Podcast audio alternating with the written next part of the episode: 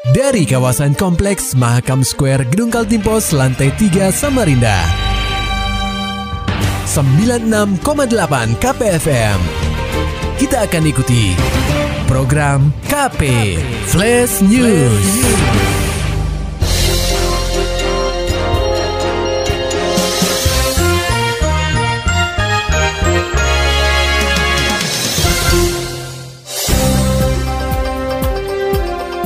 Anda sedang menyimak program KP Flash News bersama saya Agung Pratama.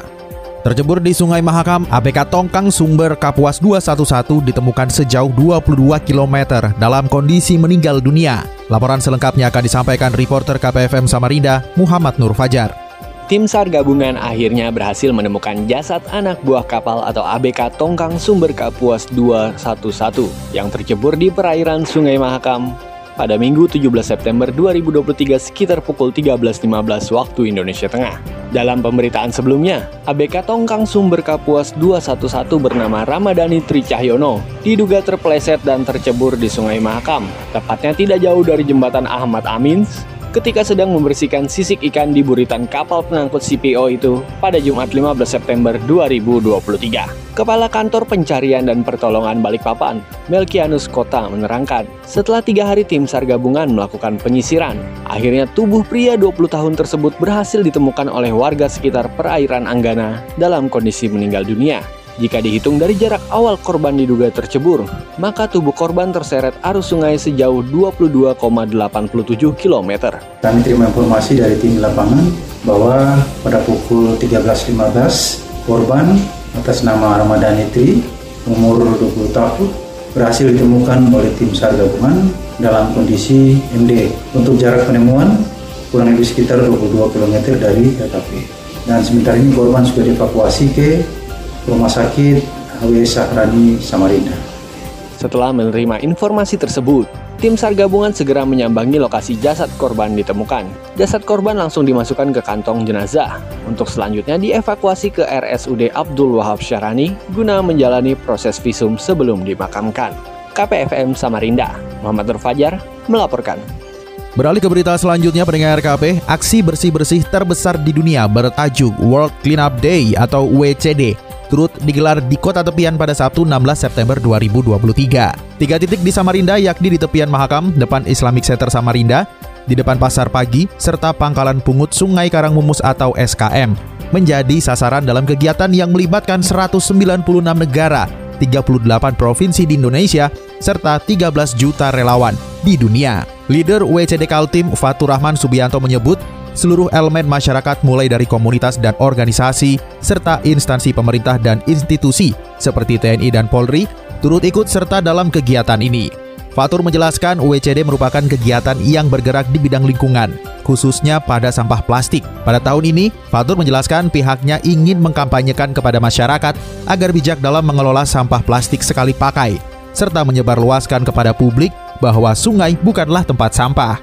Harapannya uh, dari gerakan ini bukan hanya sekedar gerakan untuk uh, memungut sebanyak-banyaknya sampah, tapi untuk menumbuhkan dan uh, meningkatkan rasa kesadaran kita untuk menjaga lingkungan. Kalau ini adalah tugas kita semua, bukan hanya tugasnya pemerintah, bukan hanya tugasnya kita pegiat lingkungan, tetapi tugasnya kita semua untuk menyadarkan kalau lingkungan ini uh, sangat penting bagi kita. Dikarenakan kita sudah mengalami krisis iklim, kemarin kita uh, telah mengalami dampak El Nino kayak gitu.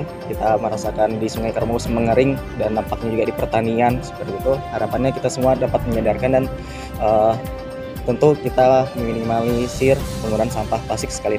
Sementara itu, Sekretaris Dinas Lingkungan Hidup atau DLH Kaltim Nor Utami menyampaikan bahwa kegiatan WCD 2023 ini merupakan gerakan rutin yang sudah terlaksana sejak 2018 silam. Selain Samarinda, aksi serupa juga terlaksana di berbagai kabupaten dan kota di benua Etam.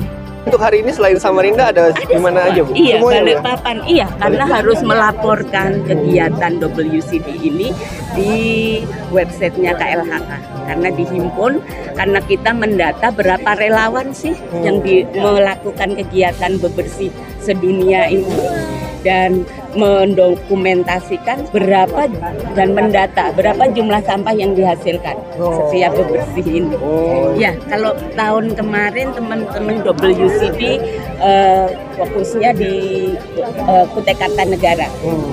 Lebih lanjut, Utami mengharapkan melalui aksi bersih-bersih seperti ini, semua elemen masyarakat bisa merubah perilaku untuk lebih peduli terhadap lingkungannya, serta mampu mengelola sampah mulai dari diri sendiri.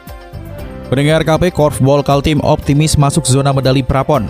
Laporan selengkapnya akan disampaikan reporter KPFM Samarinda Maulani Al-Amin. Pendengar KP, skuad benua etam dari cabang olahraga korfball bakal mengikuti babak kualifikasi Pekan Olahraga Nasional atau Prapon di Jakarta pada 17 hingga 23 September 2023. Ketua Pengurus Provinsi Persatuan Korfball Seluruh Indonesia atau PKSI Kaltim, Muhammad Barkati yakin timnya bisa lolos di zona medali sehingga tiket menuju Prapon ke-21 tahun 2024 bisa diamankan. PKSI Kaltim akan menurunkan 16 atlet putra dan putri yakni 12 di antaranya merupakan tim inti dari empat cadangan. Tim korfball Kaltim juga didampingi manajer, ofisial, pelatih serta asisten pelatih yang masing-masing satu orang. Alhamdulillah dan seleksi ini dan kita percayakan kepada pelatih dan serta tim untuk benar-benar memilih atlet yang terbaik.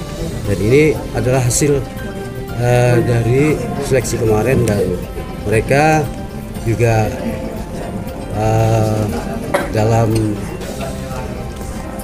pelatihan dan bimbingan dari pelatih-pelatih uh, di Pemprov. Ketua Harian PKSI Kaltim Sofian Gapur mengatakan ada tiga nomor tanding yang akan diikuti atlet, yakni K8, K4 satu tiang, dan K4 dua tiang. Insya Allah K4 kita akan pertahankan itu dan kita akan rebut. Kampanye itu dari putra atau putra? Kita karena korbal ini uh, perpaduan gender, jadi tidak ada putra tidak ada putri. Jadi permainan K8 itu di satu tim diwakili oleh empat putra dan empat putri. Demikian juga K4, K4 itu dua putra dua putri. Apa uh, lawan tanding pun sama dua putra dua putri dalam satu lapangan seperti bola basket. Cuman dia tim ini uh, gender perpaduan gender begitu. Menurut Sofian Kaltim punya peluang besar di K4 satu tiang. Sedangkan nomor lainnya masih fleksibel. KPFM Samarinda Maulani Alamin melaporkan. Maulani Alamin Muhammad Nur Fajar KPFM Samarinda serta dapatkan berita-berita selengkapnya di www.968kpfm.co.id. Demikian tadi telah kita simak rangkaian berita-berita yang terangkum dalam program KP Flash News. Persembahan dari 96,8 KPFM. Terima kasih dan sampai jumpa.